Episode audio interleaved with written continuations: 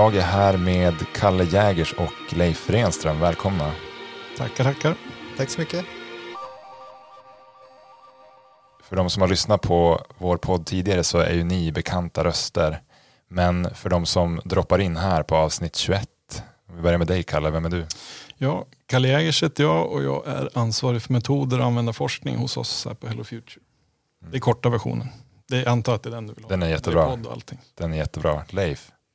Eh, ja, jag är eh, vanligtvis vd på Hello Future, eh, vilket gör att jag hjälper till att, bygga teamet och hålla reda på att vi har pengar på banken och så.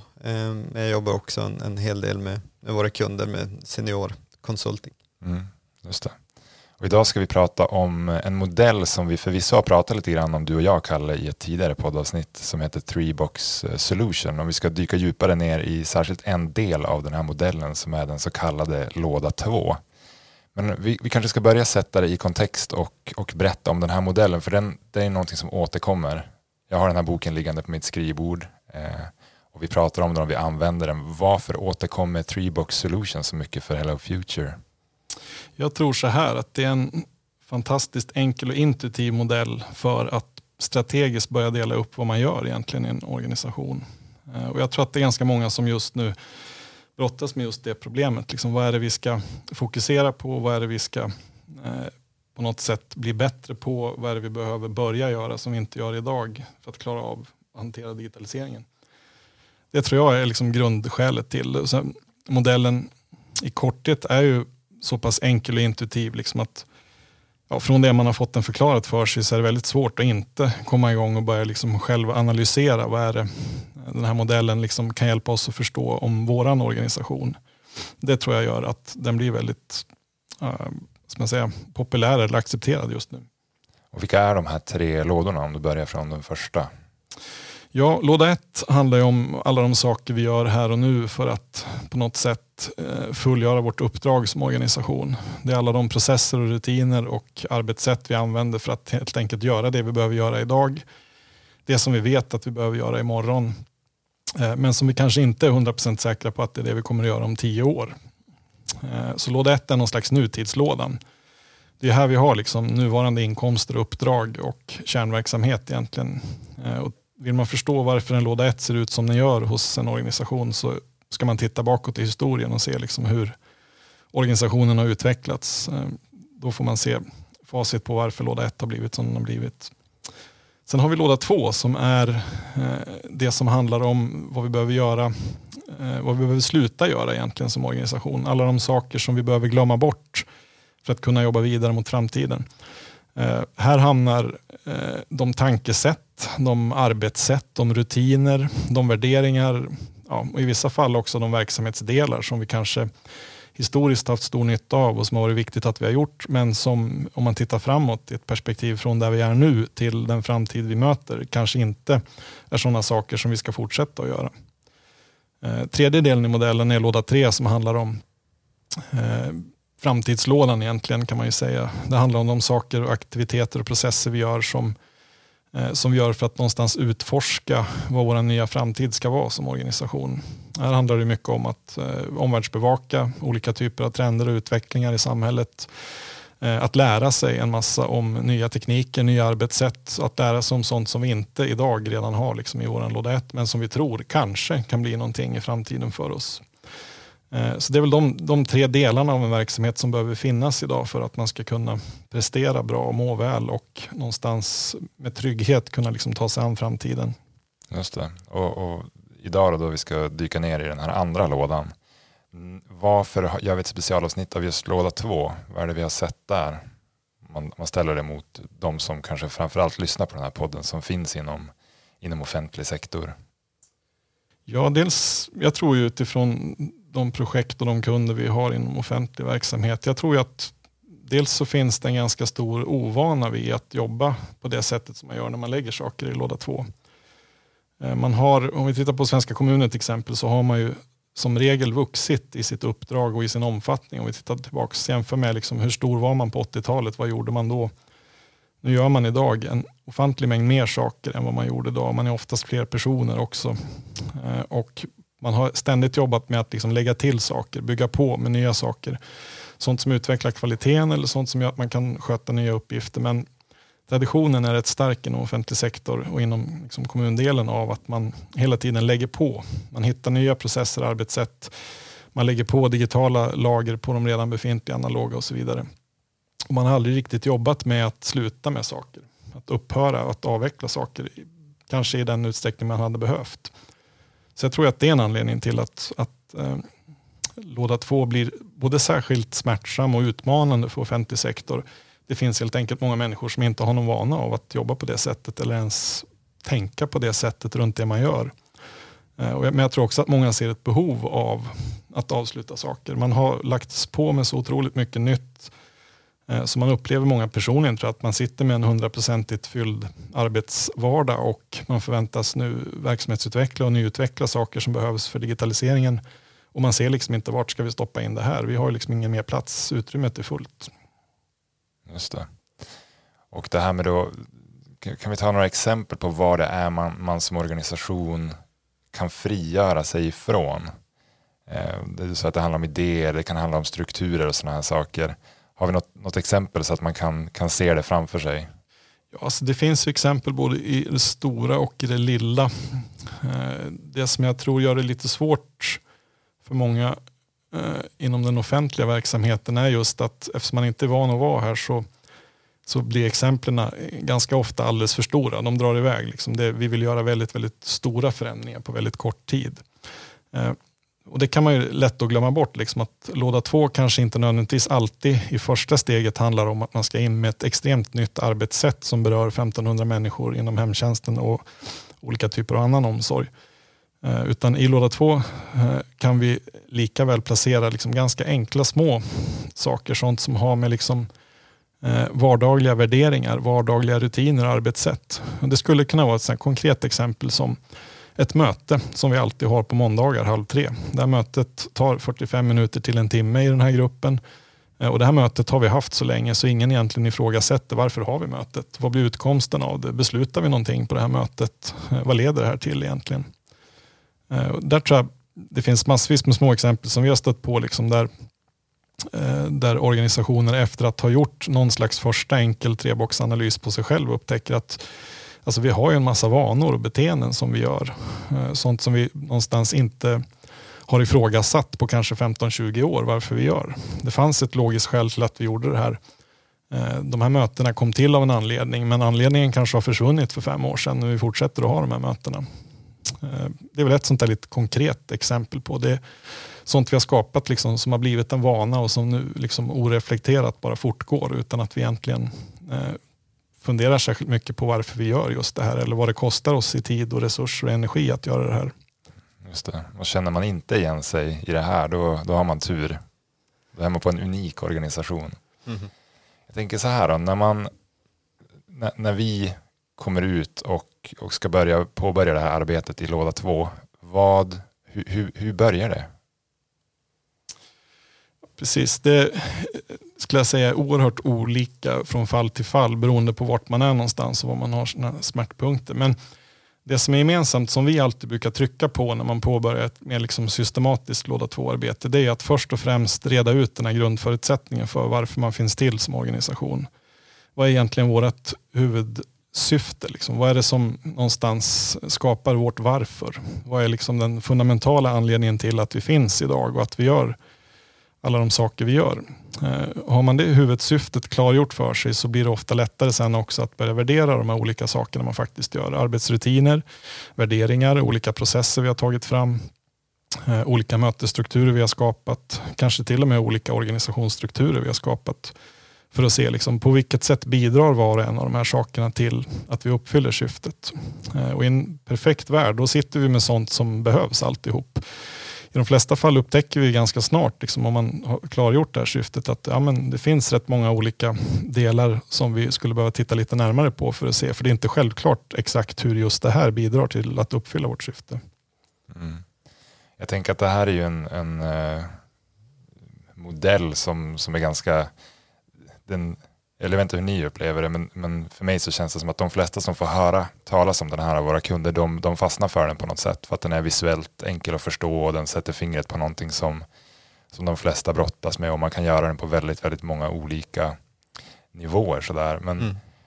om, man, om man då samlas i ett rum eh, och ska börja göra det här, finns det något stöd i hur, alltså vilken typ av övningar, vilken typ av frågor ställer man sig? Hur tar man reda på vad som ska vara kvar och vad som ska vara bort?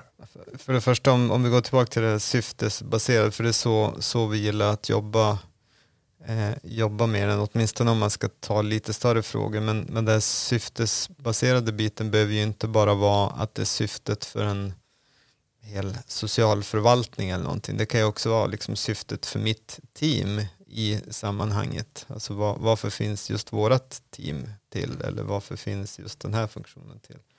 Ehm, så jag vet inte, det finns ju ingen...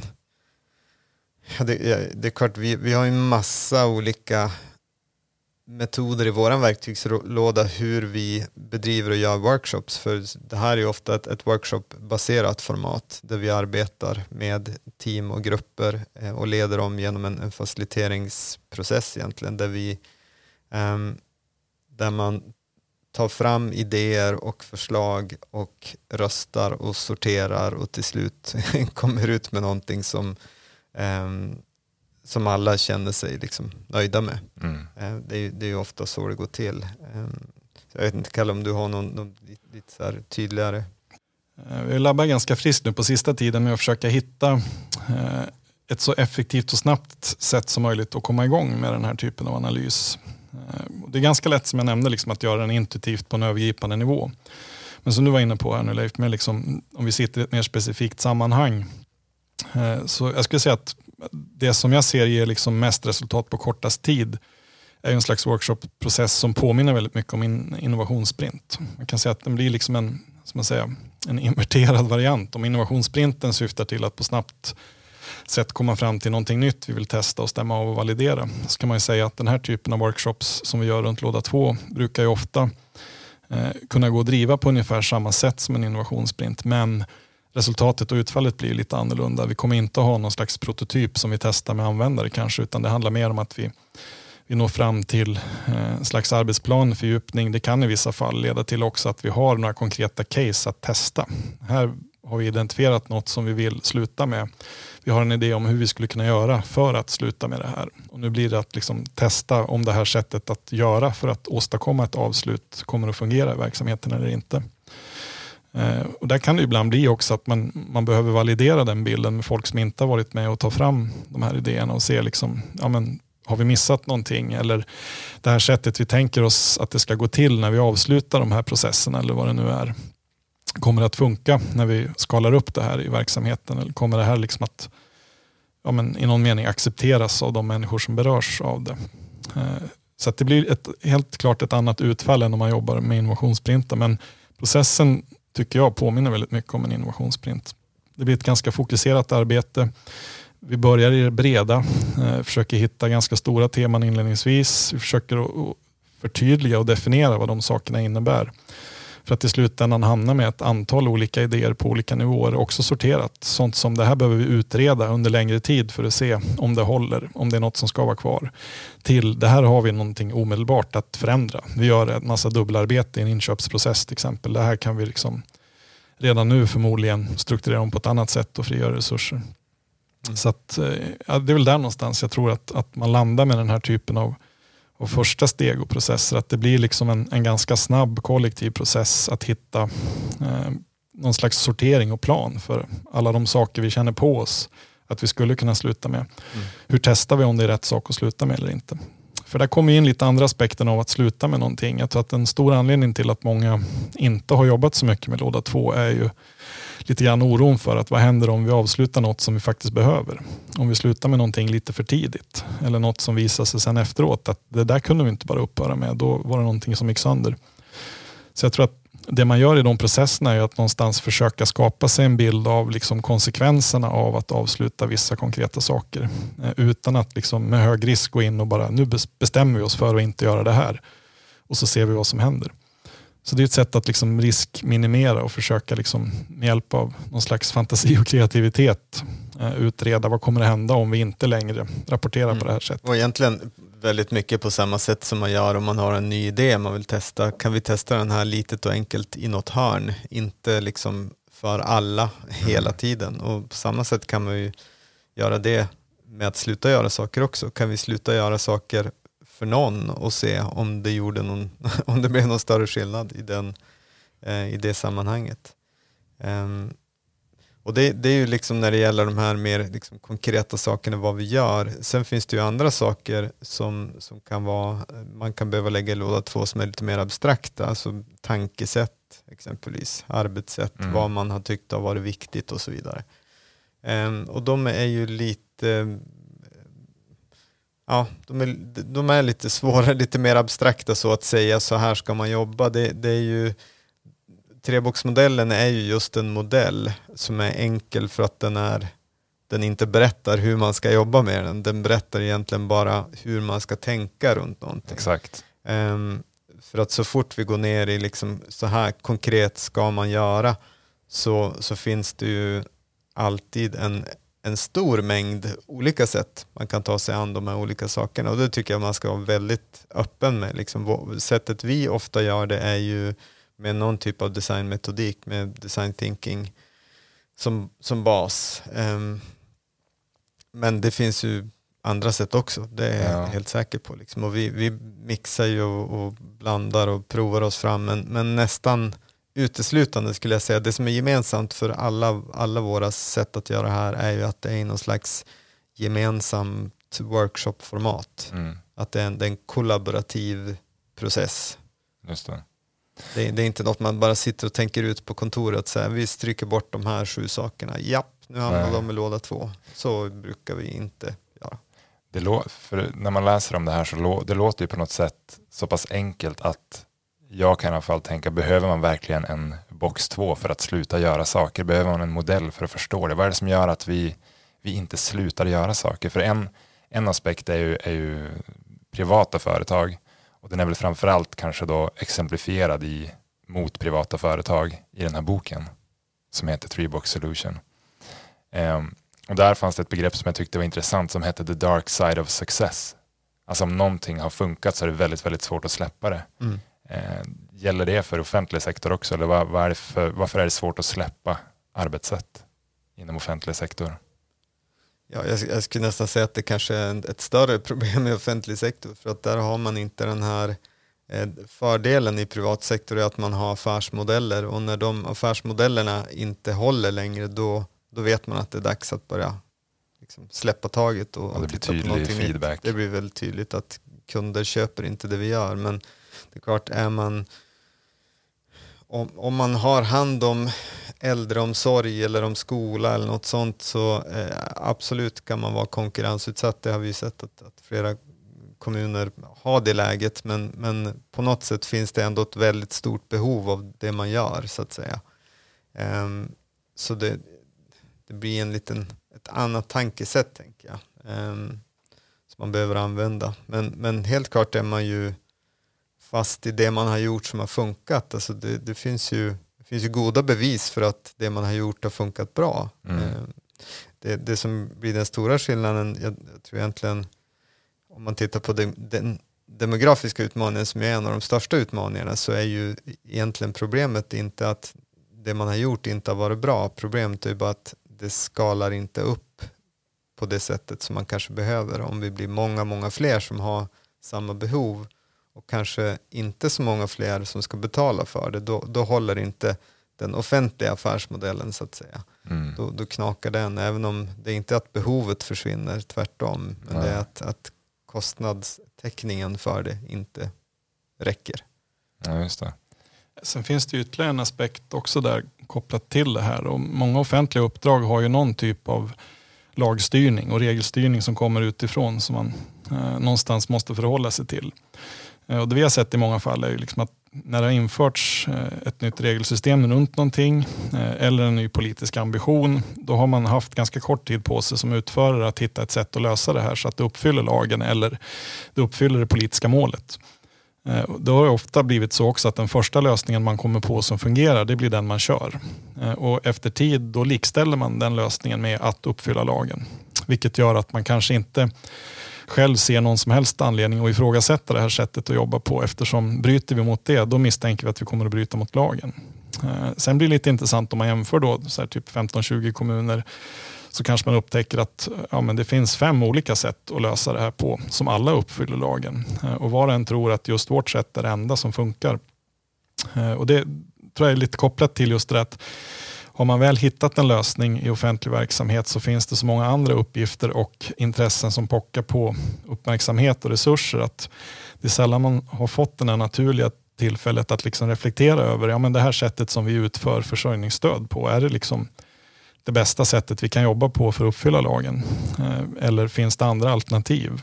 Eh, har man ingen sån där vad ska man säga, urgency som man får som kommersiell om helt plötsligt så sviker kunderna i ens affärsmodell så tror jag att anledningen och incitamenten för att börja titta på beprövade lösningar och se om de egentligen är bäst, det är ganska lågt i ett normalläge. Det blir ganska högt nu när vi ser att helt plötsligt så sviker skattebasen. Mm. Eh, men då är man redan vid en krissituation. Eh, då är det svårt att liksom systematiskt och långsiktigt börja jobba runt utan då måste man hitta en ny lösning här och nu. Eh, och det blir lite grann att det här lite mer halvsnabba läget får aldrig riktigt infinna sig. Om allting är i sin ordning och flyter på, då fortsätter vi att förvalta det här vi gör på det sätt vi alltid har gjort. Och vi utnyttjar de resurser vi har till att öka kvaliteten. Det är det vanligaste vi har sett inom kommunsektorn. Att har vi mer resurser, mer utrymme, ja, då gör vi de sakerna vi gör med ökad kvalitet eller gör mer av dem helt enkelt. Mm. Eh, och då hamnar man ju till slut i sådana här lägen där, där liksom frånvaron av incitament att titta på låda två när saker går bra gör att när vi väl behöver låda två så är vi ganska dåligt rustade i offentlig sektor för att liksom jobba med de tankarna. Vi är ovana vid att behöva tänka de tankarna helt enkelt. Vem borde känna sig tilltalad av det här då? Vem är det som ska ta tag i den här frågan? Och vilka, vilka personer eller funktioner behöver man ha med sig? Det är svårt att säga att det finns en speciell person, men det är klart alla som jobbar med verksamhetsutveckling på något sätt bör ju Ehm, för att skapa utrymme för de, de, de nya sakerna man behöver göra så behöver man ju fundera på finns det någonting vi kan sluta göra ja, något slags sådär, vem borde jobba med de här frågorna så är det såklart att en, en ledningsgrupp och kanske till och med en politisk styrning bör ju fundera över sådana här saker. För det handlar ju ändå om att hur får vi, hur får vi ut så mycket vettigt som möjligt ur den organisationen vi har. Alltså om, om man jobbar på 30% på saker som inte gör någon skillnad för, för de man är till för exempelvis, då ödslar man ju en massa tid och resurser och det är det är väl ingen som vill göra det. Så att, eh, ytterst så är det ju en, en ledningsfråga men, men sen att konkret jobba med den kan ju vara egentligen vem som helst. Det kan ju vara. Mm. Sen för att gå tillbaka till det här, behöver det vara så svårt? Behöver man ha modeller och grejer för det?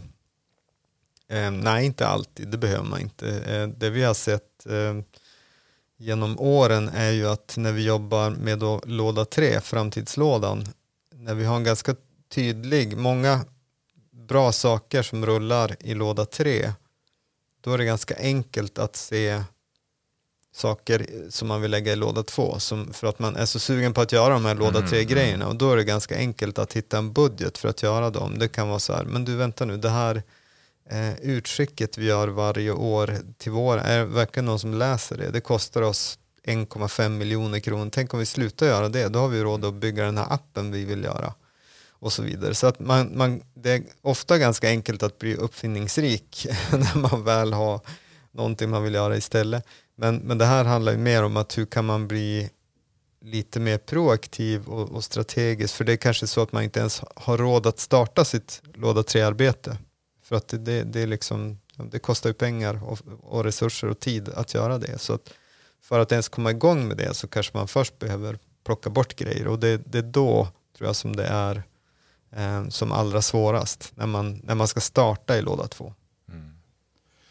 Och där, jag tror också att det blir liksom en fråga på två nivåer som är svår att liksom säga att den ena kan köra utan den andra. För jag tror ju den här strategiska nivån måste ju definitivt hanteras av politiker och högsta ledning för en verksamhet gemensamt. Det tycker jag är ett problem hos vissa av våra eh, verksamheter vi jobbar med offentligt att det blir liksom ett glapp mellan tjänstemannaorganisationen och den politiska styrningen. Den politiska styrningen har egentligen inte tillräckligt mycket kunskap och insikt i utförandedelen för att liksom kunna säga åt något håll egentligen vad, vad man vill prioritera eller inte prioritera. Man blir lite grann sådär ja, men nästan för flygigt styrande på en övergripande nivå. Och då är det lätt att lägga till saker som man gärna vill se i en verksamhet.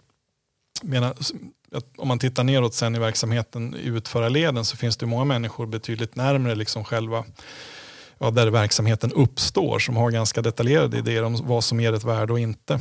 Så jag tror att man måste jobba på två fronter med låda två. Dels måste man ha en mer övergripande process igång mellan politiker och högsta tjänstemän för en verksamhet för att kunna enas om liksom vilka områden som är syftesbärande och vilka som vi kan prioritera ner. För att också ge någon slags mandat sen för de konkreta idéer som jag tror att man i många fall har inom verksamheten i utförarled för att se liksom, ja, men de här idéerna vi har, det mappar bra mot den strategiska utveckling vi vill se. Då har vi också ett mandat att gå vidare och genomföra det. Och här tror jag att det dels kan vara en sån person som är verksamhetsutvecklare som blir en nyckelroll i det här. Eh, jag tror också att det finns andra personer i strukturen som kommer att kunna bära den. Jag tror inte att det är så jätteviktigt vad man har för formell titel. Det viktiga tror jag där är att man, man ser helheten och att man kan koppla ihop de saker man skulle vilja göra som man inte har utrymme för idag med de saker som man ser faktiskt inte är det mest värdeskapande av det vi gör och sånt vi borde kanske kritisera lite mer utifrån vilket syfte vi egentligen försöker uppfylla och se om det kanske är de som ger oss det utrymmet för att skapa de nya sakerna. Mm.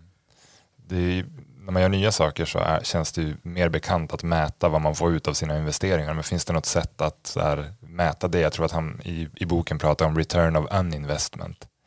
Finns det något sätt att, att synliggöra det och tydliggöra det för att förstärka vikten av att arbeta just i låda två? Ja, så det, där kommer man ner lite grann till kärnan i vad det är för något som inte är syfteskapande. Jag tror att i vissa fall så går det att ganska enkelt räkna ut i ekonomiska termer vilken besparing vi kommer att göra rent resursmässigt om vi avbryter någonting. Eh, sen blir det ju svårare om man börjar titta på liksom tankesätt, attityder och vad man belönar. Eh, för en stor del av problematiken är ju också att eh, har man haft ett uppdrag och man har byggt en väldigt förvaltande struktur så har man ju också belönat ett visst beteende över tid. De människor som man har liksom befordrat till chef gör man ju av vissa skäl för att jo, men de är bra att leverera i det system vi har byggt. De, de har vissa egenskaper som, som är bra att ha givet att vi liksom försöker förvalta ett känt uppdrag på ett stabilt sätt. Eh, I sådana här tider när man kanske behöver ställa om och jobba mer liksom med utveckling och avveckling parallellt så är det andra typer av beteenden som kanske blir mer värdefulla. Eh, och där blir det mycket svårare att mäta. Liksom. Vad, är, eh, vad är kostnaden att ha en chef som eh, absolut inte vill ha någon förändring överhuvudtaget egentligen mot att ha en chef som är utvecklingsorienterad och ser ett behov av en slags helhet som den här modellen föreskriver exempelvis. Det är oerhört svårt liksom att liksom se alternativkostnaden när man är på den nivån och pratar. Så jag tror att vissa saker går ju att i någon mening räkna på och räkna hem. Det är en process man är rätt trygg med att göra. Medan de här lite större, eh, mer strategiska förändringarna som kanske också är de som får störst påverkan på organisationen över tid, de blir betydligt mer svårmätbara utifrån det perspektivet. Så där ska man inte heller, tycker jag, titta för mycket på liksom, vad är det som ger en budgetmässigt besparing här och nu. Det kanske inte nödvändigtvis är liksom de kommande två kvartalen vi kan räkna hem en låda två eh, ett låda två avbrott på något vi har gjort. Utan där kanske man också måste jobba mer över tid för att se liksom, ja, men vad är det strategiskt vi, vi ska ställa om när vi börjar rekrytera chefer nu i fortsättningen. När vi befordrar människor. Vad är det för värderingar som vi vill på något sätt ha i grunden för vilka vi tycker ska liksom lyftas upp och få mer handlingsutrymme. Om man nu vill komma igång och arbeta i sin låda två på ett mer systematiskt sätt, var, var konkret börjar man? Mitt förslag är ju att börja lite grann på samma ställe som man gör när man vill börja jobba med sin digitalisering. Eh, I det fallet så kanske man sätter upp en liksom digital framtidsvision. Det här vill vi vara om tio år. Eh, jag tycker att man ska göra samma sak för låda två-arbetet och börja med att göra en klar och tydlig utredning av vad är det grundläggande syftet för organisationen. Att kunna formulera och paketera den syftesbilden på ett sätt som gör det liksom begripligt för alla. Vad är det vi egentligen finns till för? Vad är vårt varför? Precis kan bli lite konkret och ta något exempel där. Om vi säger att man jobbar på en måltidsavdelning exempelvis så kan man ju fråga sig om den måltidsavdelningen är till för att de äldre inte ska svälta ihjäl eller är den till för att barnen ska prestera bra i skolan eller är den till för att utbilda människor i liksom bra kosthållning? Vad, vad är egentligen syftet? Mm. Eh, och beroende på vad, hur man formulerar det syftet så kommer man ju att ta olika typer av beslut sen. Om, om det handlar om en säg att det ska vara en, en folkbildande funktion i att man ska äta enligt, enligt tallriksmodellen exempelvis. Ja, men då är det ju det man ska styra mot och då är det ju saker som inte är det då som, som inte ska få samma utrymme.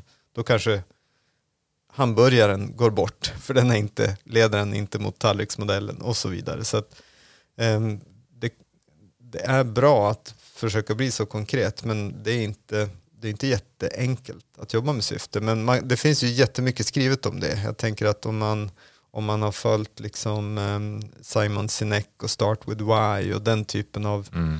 böcker och frågeställningar som har varit ganska populära senaste ja, vad ska vi säga, tio åren ungefär, sen TED Talks blev stort. Så, så, så finns det mycket böcker om hur man tar fram sitt why.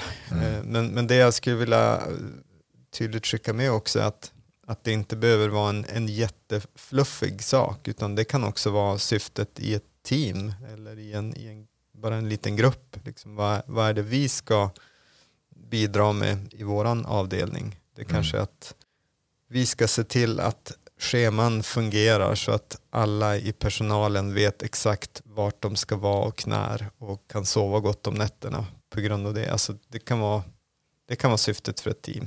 Mm. Det, det, behöver liksom inte vara så himla fluffigt utan det kan vara ganska konkret så. Och allt då som inte allt som inte leder oss åt det hållet, allt jobb som inte tar oss dit, det kan man ju då börja ifrågasätta. Jag brukar tänka på det mentalt som att man, när man skapar det här syftet är det nästan som att man man klipper ut en slags figur på något sätt som man sen lägger på sin organisation och så tittar man allt som sticker ut utanför den här mm. mallen man har klippt ut. Den, där kan man börja och liksom söka efter. Här kanske det finns saker som, som vi inte borde göra. Sen kan det vara viktiga saker även om de inte är direkt kopplade till syftet men, men det är åtminstone alltid en, en, ett bra ställe att se. Här har vi jättemycket jobb som vi gör och, och vi ser att men det passar inte riktigt under den här mallen vi klippt ut. Mm. Ja men då skulle jag säga, då börja där då.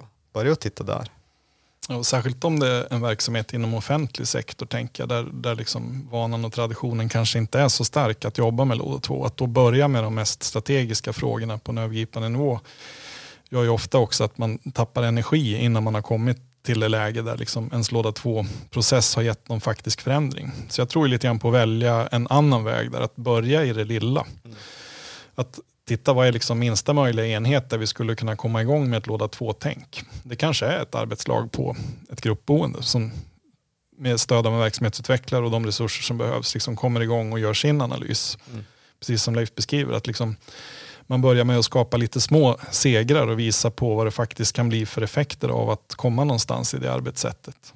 Eh, det skapar ju också en intern trovärdighet. Liksom har man visat själv att vi kan göra det här själva hos oss så gör det också processen enklare att kunna skala upp det ifrån de här par tre lysande exemplen man har skapat tidigt. Att få, få fler att liksom anamma tankesättet och skapa fler utrymmen att få testa det här sättet att jobba. Jag tror att det är lättare och mer framkomligt om man är offentlig verksamhet än att börja enbart med liksom det stora strategiska. Mm. Mm. Ja, men så är det ju. Vi, vi brukar ju prata väldigt mycket om det både i, i podden men framförallt här internt i, hos oss på Hello Future och med våra kunder att tänk stort men börja litet. Mm. Liksom det är en, verkligen ett mantra vi har. Eh, för det är mycket det det handlar om, att, att liksom förstå helheten men inte försöka liksom göra någonting, inte förändra världen på en gång utan världen förändrar vi genom att göra en massa små saker varje dag. Mm. Eh, så det, det, tror jag, precis det Kalle var inne på nu, är en, en viktig bit.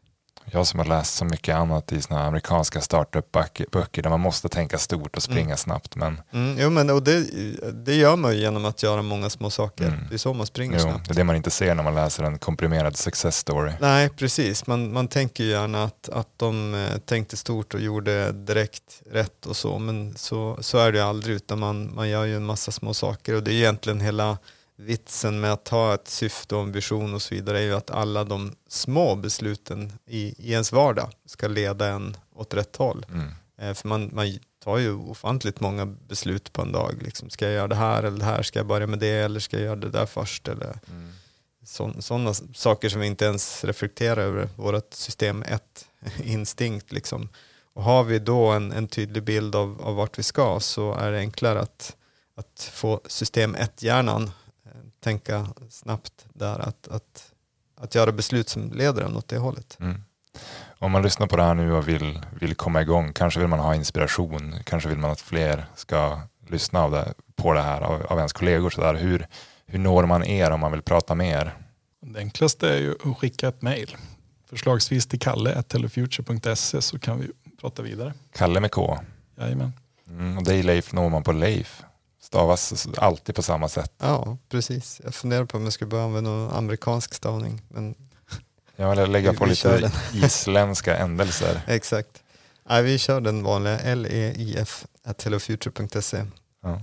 Nej, men precis, det går jättebra att, att höra av sig till oss så, så kan vi berätta lite mer på, på djupet hur vi gör de här sakerna. Det, det är ju, jag förstår, det, det är inte helt enkelt att förmedla i i en podcast här, eftersom det inte finns ett sätt. Det, det är det som, som jag tror kan vara lite svårt för, ja, svårt om man lyssnar så här att, ja men, ah, men hur gör ni? Vad då syfte? Mm, mm. eh, men det är liksom, man behöver en ganska stor verktygslåda att, att plocka ur eh, och att, att vara väldigt sådär ja, beroende på hur situationen är och, och, vilka utmaningar man står inför just nu så, så väljer man verktyg efter det. Inte att vi liksom springer in med skiftnyckeln och så är det bara den vi försöker använda och så är det egentligen inte den som passar utan man, man får vara ganska eh, lyhörd och, och försöka, okej okay, det här mm. tog oss inte, då byter vi liksom approach, då testar vi det här istället. Mm det är ofta så när vi är ute och jobbar med de här sakerna att man, man får lite grann ja, vara väldigt agil kan man väl säga men liksom att, att, se vad som funkar och vad som inte funkar och vad människor reagerar på och vad de inte reagerar på. Och en bra startpunkt kan ju vara, man kommer ganska långt på två timmar. Eh, vi kommer gärna förbi och håller en, en introduktionsföreläsning till treboxmodellen eh, och kan hjälpa er också i grupp att göra en slags första självanalys med hjälp av modellen. Det kan vara ett ganska enkelt första steg att komma igång och liksom få en personlig upplevelse av vad modellen och vad tänket innebär. Mm. Gör man det med fokus på låda två så kommer man garanterat ha ett intressant resultat redan efter två timmar och då blir det också tydligare kanske för en själv liksom att ja, men, hur redo är vi att börja jobba i det här? Liksom, vad, vad är vi på för nivå? Hur stor del av verksamheten kommer vi att liksom behöva utbilda innan vi kan göra någonting mer? Vart skulle vi kunna börja direkt på en gång? Och vilka delar av verktygslådan blir relevanta för oss? Mm. Så Det kan ju vara en så bra igångkörningsaktivitet. Liksom att lära sig lite mer om modellen och eh, med lite vägledning komma igång och börja göra en sån här analys. Ja, precis. Nej, men det, det är alldeles för brett. Liksom. Offentlig sektor, det är ju inte en sak. Det är ju en väldig skillnad om man jobbar på ett bibliotek eller inom socialförvaltningen eller inom en myndighet och sitter och hanterar regeringsuppdrag eller om man sitter på en region med en regional utvecklingsstrategi. Eller, alltså alla de, det, det är ju totalt olika förutsättningar. Så att, eh, därför, därför vi kanske är lite luddiga i mm. kanten mm. med liksom hur vi säger det här. För att, ja. eh, ja, man, man, måste ta det situationsanpassat helt enkelt. Exakt. Och sen tänker jag den här podden är ju någon sorts experiment där vi försöker se hur vi kan prata om de här sakerna på ett sätt som ska, ska vara, vara hjälpsamt för den här målgruppen som finns inom offentlig sektor. Mm.